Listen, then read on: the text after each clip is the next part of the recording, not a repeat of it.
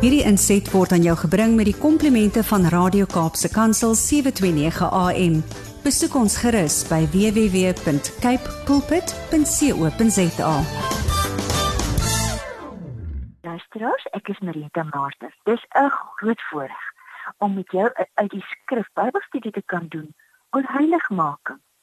En ons titel vandag is Leef jou geloof. En die keer nie as alles probeer mens nie. Ken jy 'n paar alles probeer mense? Toe ons kinders was, is alles probeer mense sommer rondvallers genoem. Ou Gillie of Sarah of Hans Hoenderhaan val ons rond van een werk na die volgende. Hy weet regtig nie wat hy wil doen nie. Hy kom op nêrens nie. Het mense soms gesê. Ons eie pa was skepties vir gedurende verandering oor te veel skuwe en dat sy kinders dalk in sewe skole in 12 jaar sou wees. Hy het gefrons oor mense se gemurmureer oor werk en werkomstandighede, gevolg deur die halfdreigende of moedelose opmerking: "Ek kry sommer vir my ander werk." A rolling stone gathers no moss. Het ons pa vir alles probeer mense gesê. Dink weer. Ons is geroep tot heiligmaking. Jesus het in sy priesterlike gebed by ons Vader in die hemel gepleit vir ons bewaring. Nie slegs vir bewaring teen die gevare van siekte, natuurrampe, oorloë en die boosheid wat uit bose mense oor die aarde heen versprei word nie, maar vir bewaring teen die liste, die misleiding, die verleiding en die volgehoue aanslae van die bose. In Johannes 17 vers 14 bid Jesus, hy praat met die Vader Ek het u woord vir hulle gegee in die wêreld haat hulle omdat hulle nie tot die wêreld behoort nie net soos ek ook nie tot die wêreld behoort nie. Ek bid nie dat u hulle uit die wêreld moet wegneem nie, maar dat u hulle van die bose moet bewaar. Jesus Christus het met die Vader in gebed gepraat, soos wat ons op grond van sy lyding en kruisdood met die Vader mag praat wanneer ons deur die geskeurde voorhangsel dit is sy liggaam na die genade troon gaan. Al weet ons Vader alles. Alles geen ding vir hom verborge nie. Praat Jesus met hom soos in 'n gesprek tussen 'n seun en sy Vader. 'n Pa vir wie hy vertrou. Die Vader wat alles in liefde aanhoor. As seun praat Jesus met die Vader oor ons, oor my en jou, oor ons wat uit die mag van die bose, die wêreld, die sonde, die anti-kris en die valse profeet losgekoop en gered en bevry is.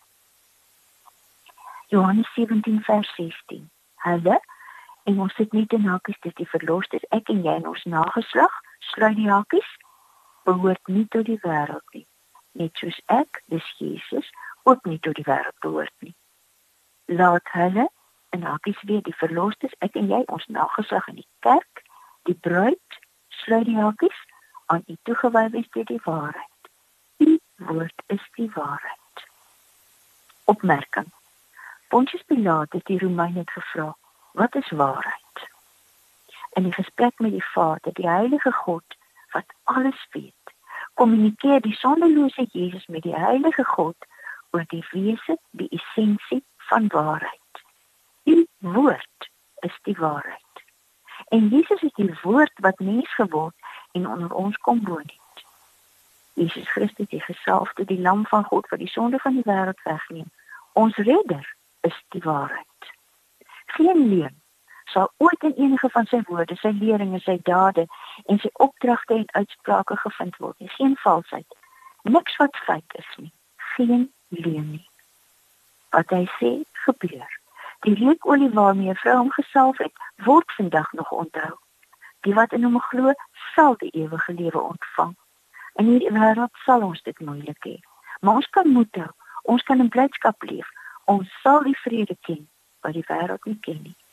Ons het die Heilige Gees ontvang. Ons sal die geboortepyne van nuwe tyd, die lewe en die bestaan uh, en die skepping aanderkant hierdie tyd beleef. Ons sal opstaan uit die dood. Daar's baie woonplek by die Vader. Sy uitnodiging is vir elkeen. Kom na my, toe almal wat uitgeput en oorlaai is, en ek sal vir julle rus gee. Ja, die woord van God is die waarheid. En daaroor praat Jesus met die Vader oor die woord as die waarheid en oor ons wat nie met die wêreld en die vullers van die bose besmet moet word nie. Oor ons wat in heiligmaking moet groei, sy getuienis moet wees. Sy gestuurdes, sy verteenwoordigers waar ons ook al beweeg en leef en werk. Dis waaroor die gebed, die gesprek met die Vader gehandel het. Johannes 17 vers 18. Soos U my na die wêreld gestuur het, het ek hulle ook na die wêreld gestuur. En terwille van hulle wy ek my aan U toe, sodat hulle ook deur die waarheid aan U toegewy kan wees. Ek bid egter nie vir hulle nie, met ander woorde vir die wat saam met Jesus in daardie tyd vak leef nie, maar ook vir die wat deur hulle woorde, deur hulle woorde tot geloof in my sal kom met ander woorde deur die die predikinge die en die uh omswervinge en die evangelie boodskap van die apostels. En hierdie tyd word baie dinge aan mense verkondig. Gryp die dag. Geniet jou lewe, dit is kort. Dream, laugh, eat.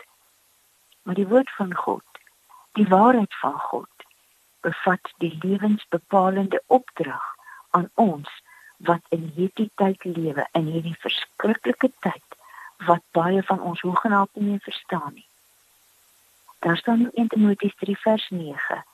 Hulle met ander woorde elkeen van God se mense, elkeen wat weet en bely dat hy of sy deur Jesus gered en verlos is. Hulle moet in alle opregtheid aan die geopenbaarde waarheid van die geloof vashou. Niemand sal ooit weet die openbare waarheid van die geloof so glashelder vir ons uitlê. Ons hoor dit in Jesus se gebed. Hy behoort nie tot die wêreld nie. Net soos ek ook nie tot die wêreld behoort nie. Laat hulle aan U toegewy wees deur die waarheid. Die woord is die waarheid. Soos U my na die wêreld toe gestuur het, het ek hulle ook na die wêreld toe gestuur. En ter wille van hulle wy ek my aan U toe sodat hulle ook deur die waarheid aan U toegewy kan wees. Wil jy as kind van God in heiligmaking groei? Wil jy as kind van God aan hom toegewy wees? Natuurlik wil jy. Natuurlik wil ek. En hier is ons terug by die alles probeer stel. By alles probeer mense ook op geestelike gebied. Ons wil in heiligmaking groei, nou probeer ons wilskrag. Ons probeer lang en ernstige gesprekke met die persoon wat die lewe vir ons so moeilik maak dat ons strip en sondig. Ons probeer. Ons tel tot 10 en 110. Ons loop liewer uit die vertrek uit om te gaan afkoel. Ons probeer iets anders doen in plaas van pornografie, drank, vaping wat geen voordeel in het nie en waaroor ons tog skuldig voel. Ons probeer alles. Maar die rolling stone gathers no moss. Ons word nie oordek met 'n digter wordende kleed van heiliging. Heiligheid nie met ander woorde van Christus gelykvormigheid uit nie. Ons staar na 2 Korintiërs 3 vers 16.